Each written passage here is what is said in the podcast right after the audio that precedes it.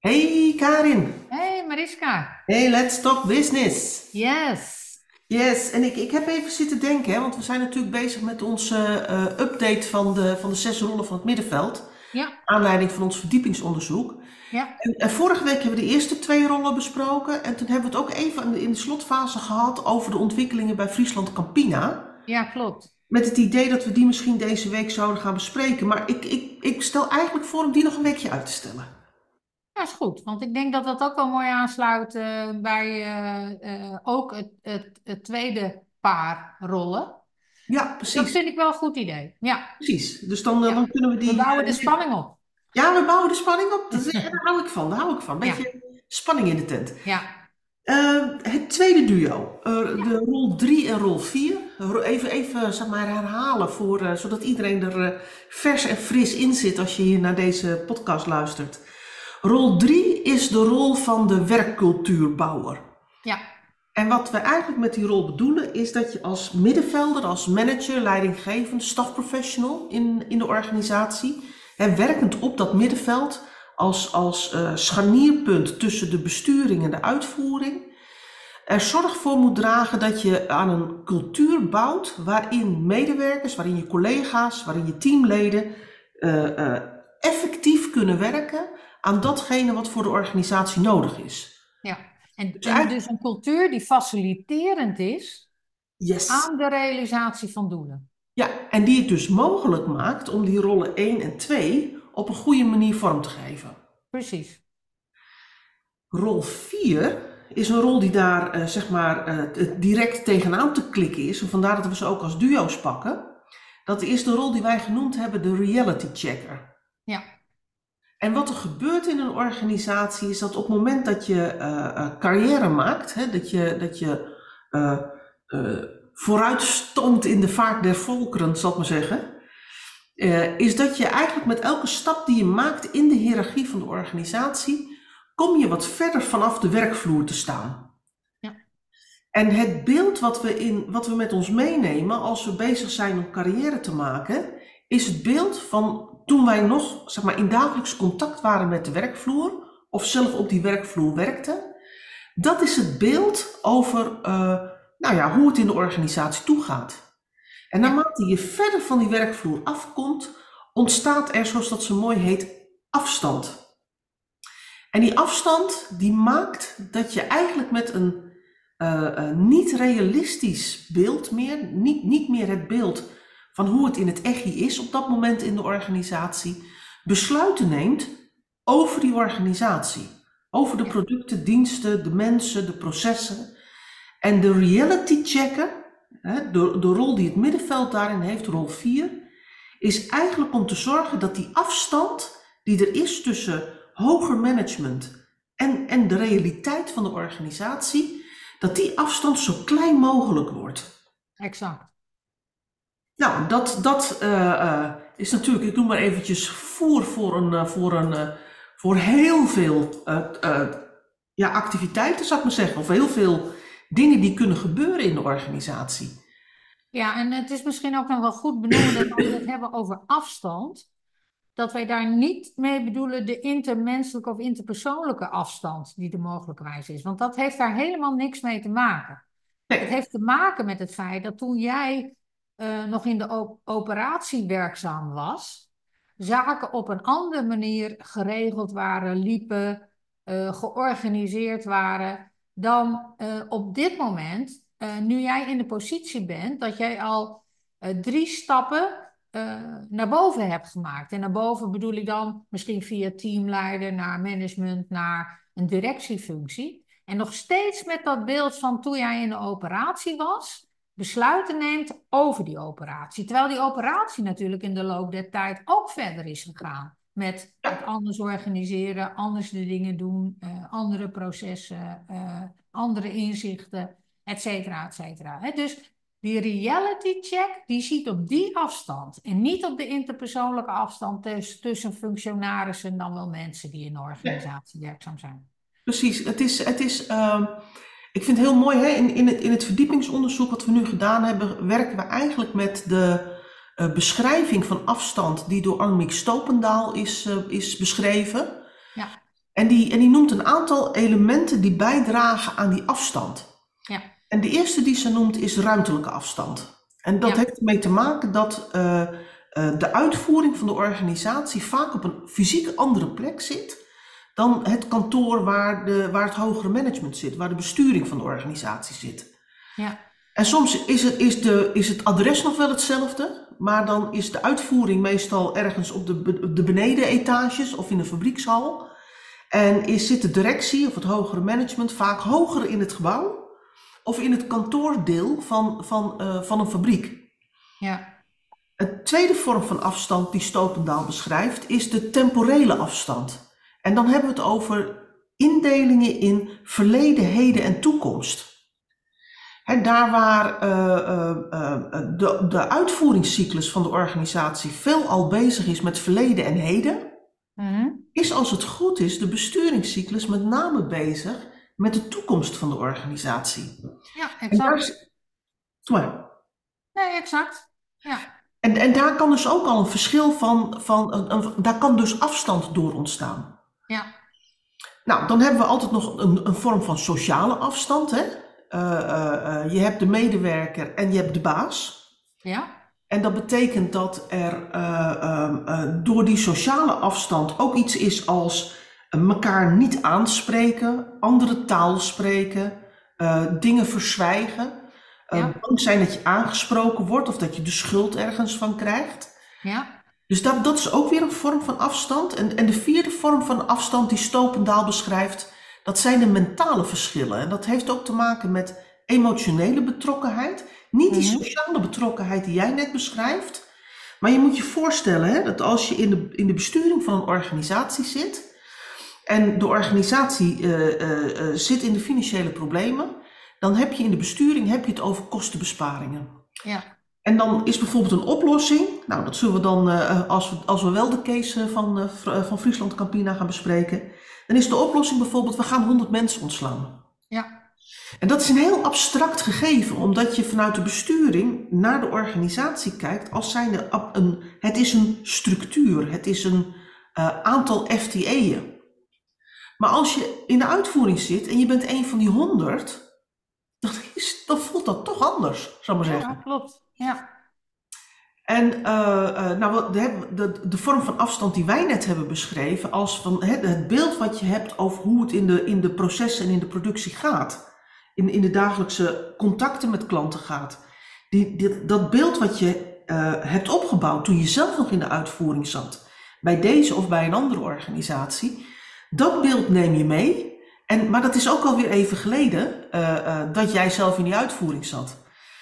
Dus ik, ik, ik stond eh, ehm, een paar weken geleden voor een groep van middenvelders en toen, eh, ja, toen kon ik het eigenlijk op dat moment in, in die context niet anders beschrijven als eh, mensen in de besturing hebben vaak een afstand tot de arbeidsmarkt. Ja. Nou, dat vonden ze toen erg grappig. Ja. Maar ik denk, maar eigenlijk is het ook zo.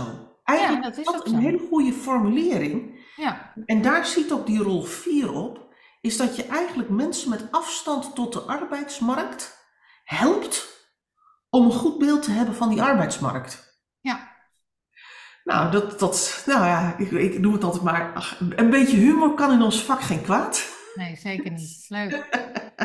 Hé, maar ik sta nu wel te popelen, want eh, we gaan het hebben over eh, ons onderzoek hè? En, de, en, de, en de update eh, ten aanzien van datgene wat, wat we onderzocht al hebben en wat we weten van dat middenveld. Ehm, ja, kun jij ons updaten? Nou ja, dus een van die updates is, is dus die indeling, zeg maar, is dat nader onderzoeken van waar zit nou die afstand, waar komt die nou door, hè? Ja? Als we die kennis hebben, weten we ook beter wat we moeten doen om die afstand te overbruggen. Ja? Dus ik denk dat dat eh, eh, eh, het onderzoek van Stopendaal en, en, en het stukje aanvulling wat wij daar dan ook weer op hebben, dat dat wel een, een mooi inzicht is uit deze update-ronde van, eh, van, eh, eh, van ons onderzoek. Ja? Ehm, als, als ik ook kijk naar ehm, wat het, gewoon inzichten uit het onderzoek die nu bij mij naar voren komen, is als we praten over rol 3, hè, dus Ja. over het bouwen van een werkcultuur, dan gaat het heel erg over van wat voor strategische positionering kiezen we nou en wat vraagt het nou van hoe wij met elkaar werken in de organisatie. Dat gaat ook over onze kernwaarden, hè, die, die we bij onze missie en visie formuleren. En in termen van hoe vertalen we die nou eigenlijk naar onze organisatie? Ja. En voor het middenveld zit dat met name in hoe vertalen we nou die positionering en die kernwaarden die door de besturing zijn vastgesteld, hoe vertalen we die nou naar concreet gedrag? Ja. En, en die vertaling, hè, dat, dat concrete gedrag, wat willen wij nou zien in onze, in onze teams, in onze dagelijkse processen? Hoe gaan we met elkaar om? Hoe gaan we met klanten om? Hoe, hoe zijn we aanspreekbaar? Hoe ben ik zelf aanspreekbaar als middenvelder? Ja, hoe staan we ten opzichte van het werk? Hè? Wat, wat doen we wel en wat doen we niet? Ja, maar ook hoe geven we informatie aan elkaar door? Ja, Hoe serieus nemen wij elkaar daarmee? Dat zijn, dat zijn elementen die heel erg horen bij die rol 3. ja, En daar zit vaak ook meteen het probleem. Hè, dat, dat, is, dat is iets wat we uit die eerste, eerste inzichten van het onderzoek wel kunnen halen. Is dat heel veel middenvelders eigenlijk geen idee hebben wat nou de kernwaarden zijn die er voor de organisatie staan. nee, Eh, eh, want het zijn vaak, ja, ik noem het toch maar containerbegrippen. Hè, we zijn betrouwbaar, we zijn flexibel en eh, we zijn eh, goed bereikbaar. ja, Mm, Ja, en dus? ja, Eh, wat ik flexibel vind, kan wat anders zijn dan wat jij flexibel vindt. Ja. Nou, ja, wij praten hier vaak genoeg over. Bij ons zal het verschil niet zo groot zijn. Maar naarmate de organisatie groter is en we in dit soort kern, zeg maar, in dit soort containerbegrippen praten, blijft die vertaalslag eigenlijk achterwege. ja, Omdat we het lastig vinden om dit, zeg maar, op een goede manier te vertalen. Ja. Zeker als we in een organisatie op het middenveld weinig horizontale li- lijnen hebben tussen peers. Want dat betekent dat ik flexibiliteit heel anders kan vertalen eh, naar mijn team dan bijvoorbeeld mijn collega op een andere afdeling doet of op een ander team doet. Ja. En dan krijg je dat je in de, in de, in de uitvoeringscyclus grote verschillen krijgt tussen verschillende teams. ja, Dat is A niet handig, B is niet verstandig en C klanten weten dat binnen de kortste keren. ja, Dus wat je krijgt is dat als je met meerdere teams bijvoorbeeld, eh, nou ik denk even aan een voorbeeld, eh, die, wat- een, een gesprek met iemand die bij een bank werkt als, eh, als manager. En die zegt, ja, ik, ik, ik pas met mijn team de, de, de richtlijnen die we hebben als organisatie heel strikt toe. Dat betekent dat ik bepaalde kri- eh, kredietaanvragen, dat ik die afwijs. En even later zie ik ze toch in de boeken staan bij de bank. Ja. Want dan heeft de klant, die heeft eh, zeg maar in zijn netwerk verder gevraagd. En die vraagt het dan niet bij mijn team aan, maar die vraagt het bij een ander regionaal team aan.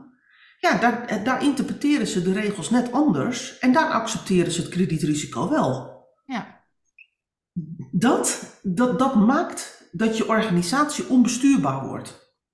Want op dat moment be- bepaal jij als organisatie niet meer wat voor soorten risico's je wel of niet in de boeken wil hebben.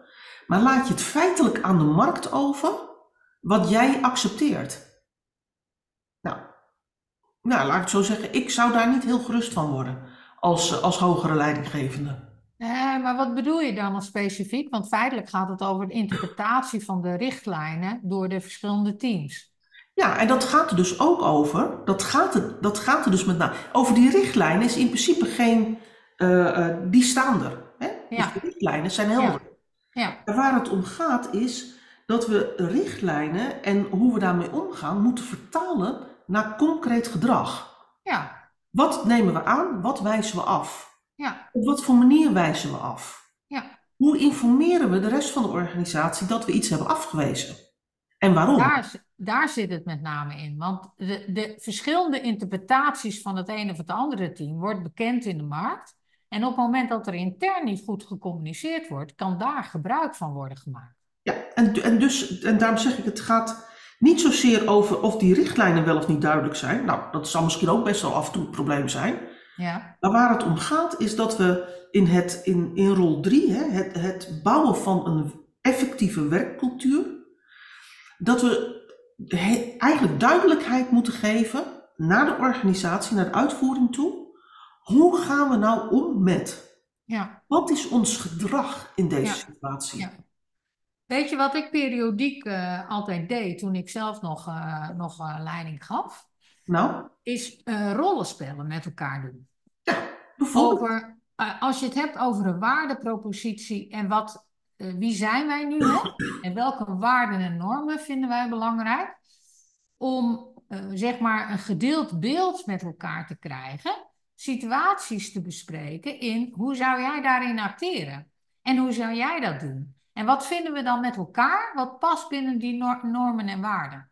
Ja, Dan krijg je niet alleen heel erg verbinding binnen het team, maar je creëert ook een ruimte met elkaar, waarin het gewoon is om elkaar eh, aan te spreken, om het zo maar even tussen aanhalingstekens te zeggen, maar in ieder geval dat de dialoog daarover gevoerd wordt, waardoor er uiteindelijk een soort communis opinio ontstaat over wat doen we wel en wat doen we niet.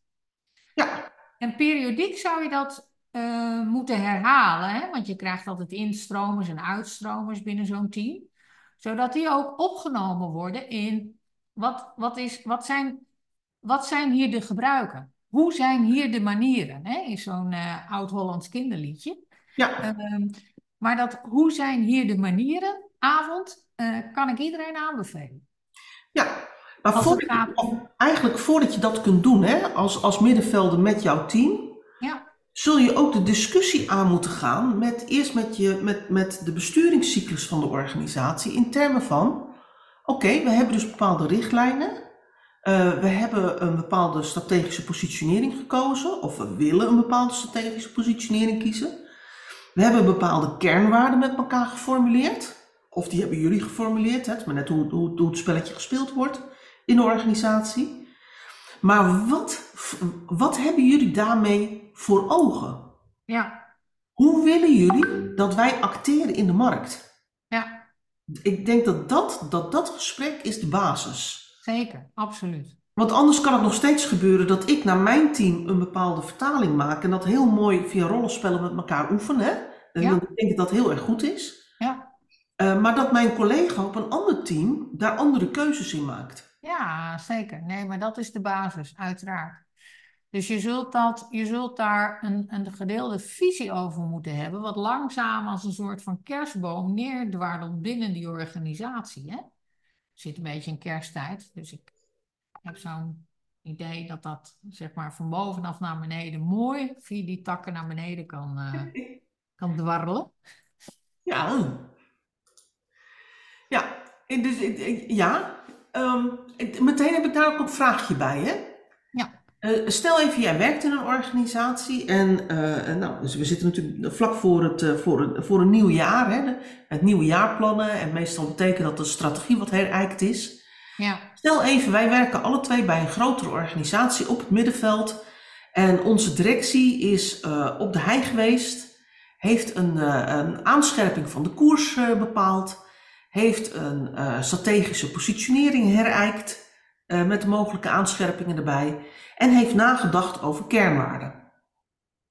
Hoe, hoe, hoe denk jij, wat zou, wat, hoe zou jij dat, dat gesprek nou aanlopen met het hogere manager, met het hogere management, over die kernwaarden en wat dat betekent eh, qua cultuur die jij wil neerzetten of moet neerzetten in jouw teams? ja, en waar doe je dan specifiek op? Nou, eigenlijk waar we het over hebben, hè, bij rol 3 gaat het over het bouwen van een goede werkcultuur, van een effectieve werkcultuur. Ja, Nou, ons, ons idee is altijd dat moet uitgaan van de, strategie, van de strategie van de organisatie en dus ook van de keuze van de kernwaarden die ja, in de sturing is vastgesteld.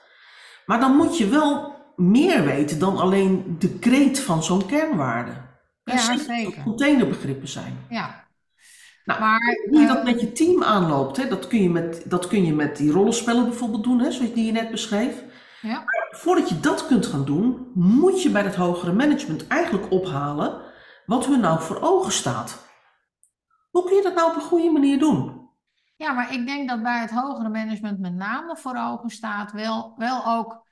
eh, kijk, als je het hebt over die waarde, waardepropositie, hè, dan zou je eigenlijk kunnen zeggen van ja, die missie, die identiteit van de organisatie, En uh, de visie, dus de ambitie van de organisatie, met name ook de strategische keuze van een organisatie, die is voorbehouden aan het bestuur, aan het, aan het hoge management, zoals jij dat noemt. Als je het hebt over die identiteit en daarvan afgeleid een waardepropositie, dan zullen ze daar een beeld bij hebben. Dus het is denk ik die exercitie die ik met mijn team deed. Overigens uh, was dat het team wat deel uitmaakte van die hogere managementlaag. Was met name kijken van ja, hoe, hoe hebben wij nu hè, als managementteam als directieteam die waardepropositie bedoeld? Uh, en hoe gaan we met elkaar bouwen aan de identiteit van deze organisatie? En wat betekent dat dan concreet in gedrag? En dat is een exercitie die je ook zult moeten doen. En daarom noemde ik ook even de, de, de parabool van, uh, van, van de kerstboom, waarin het naar beneden dwarrelt. Die zul je dus ook met dat team moeten doen en met, met, ook met zo'n team moeten doorleven. Wellicht op een ander niveau, zodat zo'n team ook kan zeggen van ja, maar als ik zo'n situatie heb, wat betekent dat dan? En is het dan niet effectiever dat ik daar een ander type mens bij heb? Ja, maar nou ga je ervan uit dat, dat de besturing daar zelf uh, zeg maar, op bewust van is. Maar stel nou even dat je in een organisatie werkt waarbij een besturing voornamelijk zeg maar, intern gericht is. Ja. Dus die zijn op de hei geweest, hebben er misschien een consultant bij gehad, die hebben de strategie herijkt, die hebben bij de strategie nagedacht over de identiteit, over de waardepropositie naar de markt toe en hebben daar een aantal mooie kreten bij gezet als zijn dit zijn onze kernwaarden. En dan is het mooi allemaal beschreven. Er is een mooi powerpointje van gemaakt. We hebben een rondje zeepkisten gehad. En hop, daar ligt hij. Ja. En nou zit je in het middenveld en je Ja. hebt dat aan. Maar je hebt weinig aan alleen maar die algemene, ge- politiek correct geformuleerde eh, statements. Ja. Hoe, hoe, hoe loop je nou het gesprek aan met een bestuur, zodat je de handjes en voetjes krijgt bij dit soort kernwaarden die je nodig hebt om het te kunnen vertalen naar concreet gedrag in jouw team? Als ik in het middenveld zou zitten, dan zou ik het gesprek aangaan met het bestuur en dus op de noodzaak wijzen dat er een, eh, een gedeelde opvatting komt over invulling van die waarden. Dus dat je met het managementteam eh, het eens zult moeten zijn over hoe je die waarden invult. Ehm, en concreet voor jou, en als die sessie er dan komt, een uitraal van hoe, dat, hoe zich dat in specifieke omstandigheden zou kunnen vertalen. Zodat jij ook weer die vertaalslag naar beneden eh, kunt maken. Ja, Zo zou ik het doen. ja, Want het is, het is belangrijk, niet alleen dat jij individueel die, eh, dat gesprek eh, voert met een, met een bestuurder of een bestuurslaag, maar dat je ook je peers, hè, die, die op hetzelfde niveau zit, in die dialoog meeneemt. ja, Dat je nou juist datgene voorkomt wat jij zo net beschreef in dat voorbeeld van die bankier. ja, Eh, en dat we dus ook eh, daar een, een, een gemeenschappelijk kader formuleren eh, in wat we doen en wat we niet doen en wat eventueel vrije ruimte is. En dan nog hè, zul je zien dat er eh, situaties ontstaan die je niet besproken hebt. Maar Klopt. dan moet er een soort van eh, ja, vergadering ontstaan, hè, een soort van lerend gremium, waarin je met elkaar ook die situaties kunt voorleggen van hoe gaan we dit invullen. Ik dacht zo, maar ik zie dat mijn buurman dat op een compleet andere manier doet. En dit is iets wat we niet aan de orde hebben gehad. ja, dus dat je met elkaar ook eh, bewust bent van het feit dat dit iets is eh, waarin je de organisatie ook lerend moet maken. Niet alleen omdat je continu in- en uitstroom hebt van mensen. Hè? Nou, ik mag hopen niet te veel, maar ook niet te weinig, hè? want vers bloed is ook goed. ja, Ehm, die je moet aanhaken en, en eh, bij datgene hè, wat cultureel speelt binnen de organisatie, in hoe zijn hier de manieren. Eh, tegelijkertijd is het ook zo dat er allerlei, dat er aan die buitenkant, in die marktkant, hè, ook zaken ontstaan, wat, wat vergt dat je daar cultureel elke keer op inspeelt. En, en dus betekent dat ook continue interpretatie van de normen en waarden en de identiteitspropositie zoals die is geformuleerd met elkaar. ja, Dus ik denk dat je het niet moet zien als een soort van status quo, En die cultuur kan ook heel licht wijzigen, hè? gegeven de noodzaak die er misschien is. Dat kan. En de Ja, cultuur, dat zijn wij, die vormen we met elkaar. ja ik, ik, ik kan me ook, hè, want, want ik, ik, ik, ik, snap, ik snap absoluut wat je zegt. Ik, ik kan me ook voorstellen dat als je nou in dat middenveld van de organisatie werkt, dat je denkt van ja, ja, maar ja, hoe ga ik dit dan... Ik snap dat ik het bespreekbaar moet maken en ik snap ook dat ik het samen met mijn peers bespreekbaar moet maken met het, eh, met het bestuur. Ehm, maar hoe ga ik dat nou concreet doen? En, en dan denk ik, hè, en dat is ook uit de gesprekken die we in het onderzoek eh, met middenvelders hebben gehad, is dat ehm, eh, er eigenlijk twee manieren zijn waarop middenvelders dit soort gesprekken eigenlijk heel goed zeg maar, met, met vertrouwen kunnen, kunnen opstarten. Ja, Dus de eerste is eh, eh, eigenlijk de vraag te stellen en, en te bespreken. Wat hebben als we, want we hebben die herijking gehad en we hebben nieuwe kernwaarden of aanscherping van onze kernwaarden. Wat doen wij eind van het, van het komend jaar? Wat doen wij dan anders in onze processen en richting klanten dan we nu doen? En dus dan, dan praten we niet zozeer over, zijn we het er nou over eens wat we nu doen? nee, Maar we kijken met name naar de toekomst. Dus waar willen we naartoe? Wat doen we anders Ja, dan we nu doen? ja, exact. En dan heb je misschien geen eenheid over, over hoe je het nu doet. Nee? Je creëert wel eenheid over waar je naartoe gaat. Ja. Nou, en dat is uiteindelijk eh, altijd belangrijker dan eenheid hebben over het beeld over waar we nu staan. Ja, Eh, want dat betekent in ieder geval dat je over een jaar eh, dat de, de, een- de discrepantie die er misschien is, dat je die hebt opgeheven. ja, klopt. En het tweede is, eh, eh, eh, daar waar wij als marketeers natuurlijk vaak werken, of toch wel regelmatig werken met persona's, Ja, is dat je ook persona's kunt maken van medewerkers. ja. En dan creëer dat je, doen we niet vaak, hè? Maar het en is dat wel doen we zo niet vaak, maar, Nee. dat, maar dat, dat, dat eh, is wel een heel mooi instrument om te doen. Ja, Dus dan kan je het bijvoorbeeld hebben over, ik maak een persona voor iemand die in het sales traject zit. Ja, Ik maak een persona voor iemand die eh, tussen de ene en de andere afdeling opereert. ja, Dus waar het gaat over, over afstemming tussen afdelingen. En ik maak een persona voor iemand die bijvoorbeeld in de eh operatieklant contacten heeft. Mag Ja. in de operaties zijn, mag met levering zijn, mag in aftersales zijn, mag in opleiding en training zitten. Dat maakt niet zoveel uit, maar, zeg maar niet in het voortraject, maar, zeg maar na de levering. mhm, Ehm, eh, en door het maken van zo'n persona, en ook in termen van wat, wat, wat is nou het optimale gedrag, wat hoort bij die persona, kun je vertaling maken van eh, redelijk abstracte kernwaarden naar, naar redelijk concreet gedrag.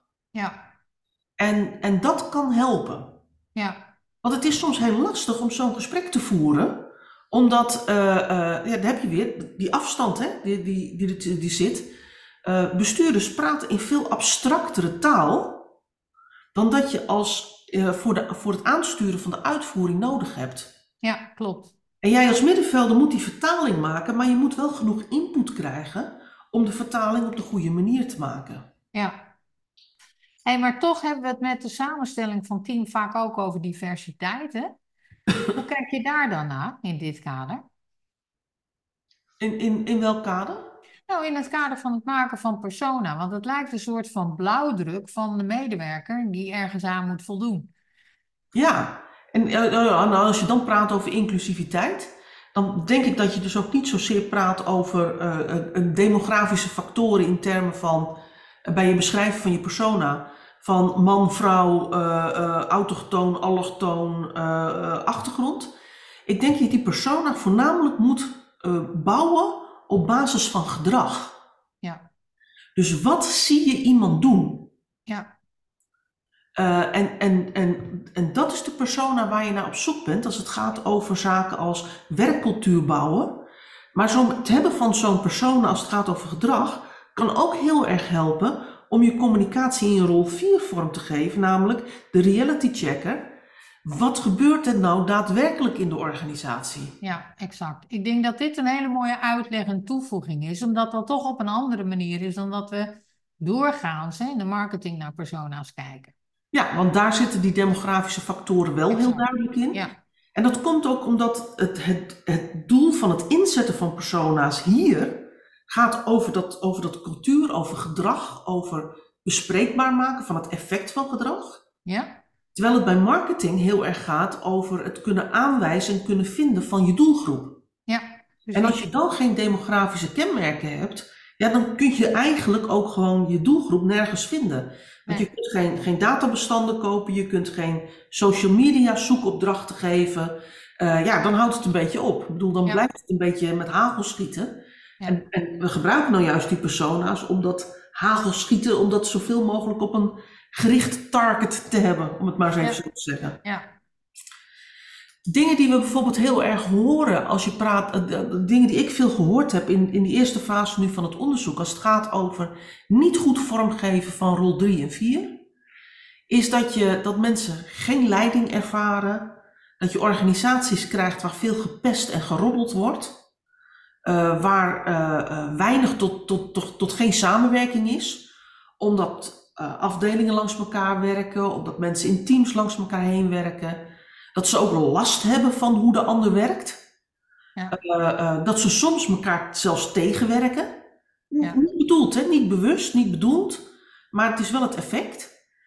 En wat, wat je daarmee ook kunt creëren, is dat er bijvoorbeeld tussen teams stammenstrijd ontstaat. Het is heel logisch als je in een groter geheel werkt, hè, dat je onderdeel wil zijn van iets. En op het moment dat je onderdeel bent van iets, dan ben je ook eh, niet onderdeel van iets anders. Ja, precies. En wij, ja, op een of andere manier komt er dan zoiets van wij-zij denken in. En soms zelfs competitie, wat, ehm, wat niet ehm, bouwend is voor de organisatie. Ja, En het bouwen van een waardepropositie bouwt over die afdelingen en groepen en zuilen heen naar een gezamenlijke identiteit. ja. Dus een groter wij. En dat is heel erg belangrijk om eh, een effectieve cultuur neer te zetten binnen de organisatie. Ja, ja, ja. En het is, het is, ehm, het, het, het gekke is als je met mensen praat hè, over, over dit fenomeen, is dat, daar, dat, dat, dat ze heel veel voorbeelden hebben van waar gaat dit nou mis, hè? Ja, Eh, en, en, en dat dus ook echt voelen, want we zeggen altijd van cultuur is ongrijpbaar. Maar als je met mensen praat en ze kunnen feilloos benoemen, waar, waar gaat het dan mis? ja, Waar heb je last van? ja, En, en dan wordt opeens, wordt, eigenlijk wordt cultuur, bij het niet lopen van deze rollen, wordt heel erg tastbaar. ja, En het zou zo mooi zijn bij rol 3 en rol 4, als we daarmee dat ontastbare geheel van cultuur ook tastbaar kunnen maken in termen van, en hoe gaan we het met elkaar goed doen? exact. Nou, daar zit denk ik ook wel de uitdaging.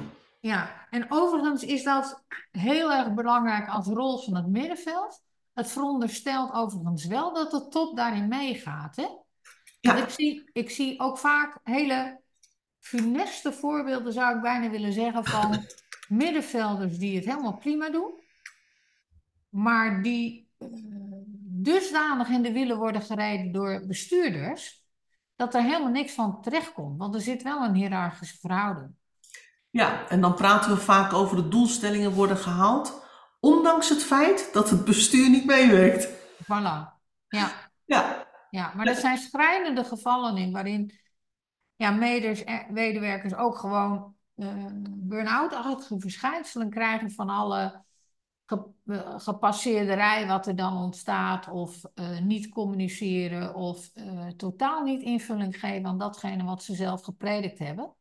En te pas en te onpas, meestal te onpas, de regels schenden die ze voor het geheel wel afkondigen. ja, ja. En het is, dat, ook dat heeft een beetje te maken met die rol van die reality checker. Hè?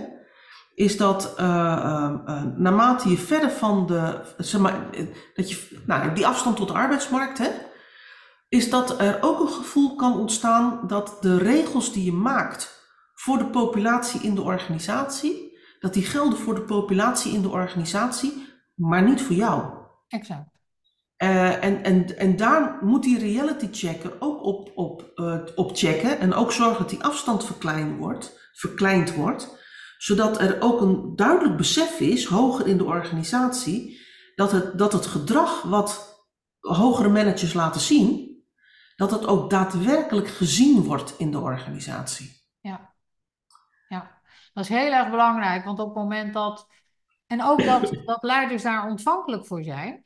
Want op het moment dat ze dat niet zijn, hè, dan, dan, dan zie je altijd dat die hiërarchische positie wel meer, meespeelt. En dat, uh, en, en, dat het middelmanagement uh, zich er gewoon ofwel weggaat, hè, de goeie die gaan weg, of zich erbij neerlegt. En dan ontstaat er een onderstroom wat heel erg uh, ja, contraproductief kan werken. Ja. Of er ontstaat uh, verstilling en gelatenheid. Hè? Van, nou, ik heb het zo vaak geprobeerd. het heeft me alleen maar tikken op de vingers opgeleverd. Ik doe het niet meer. Ja. Ons half uur zit er alweer op.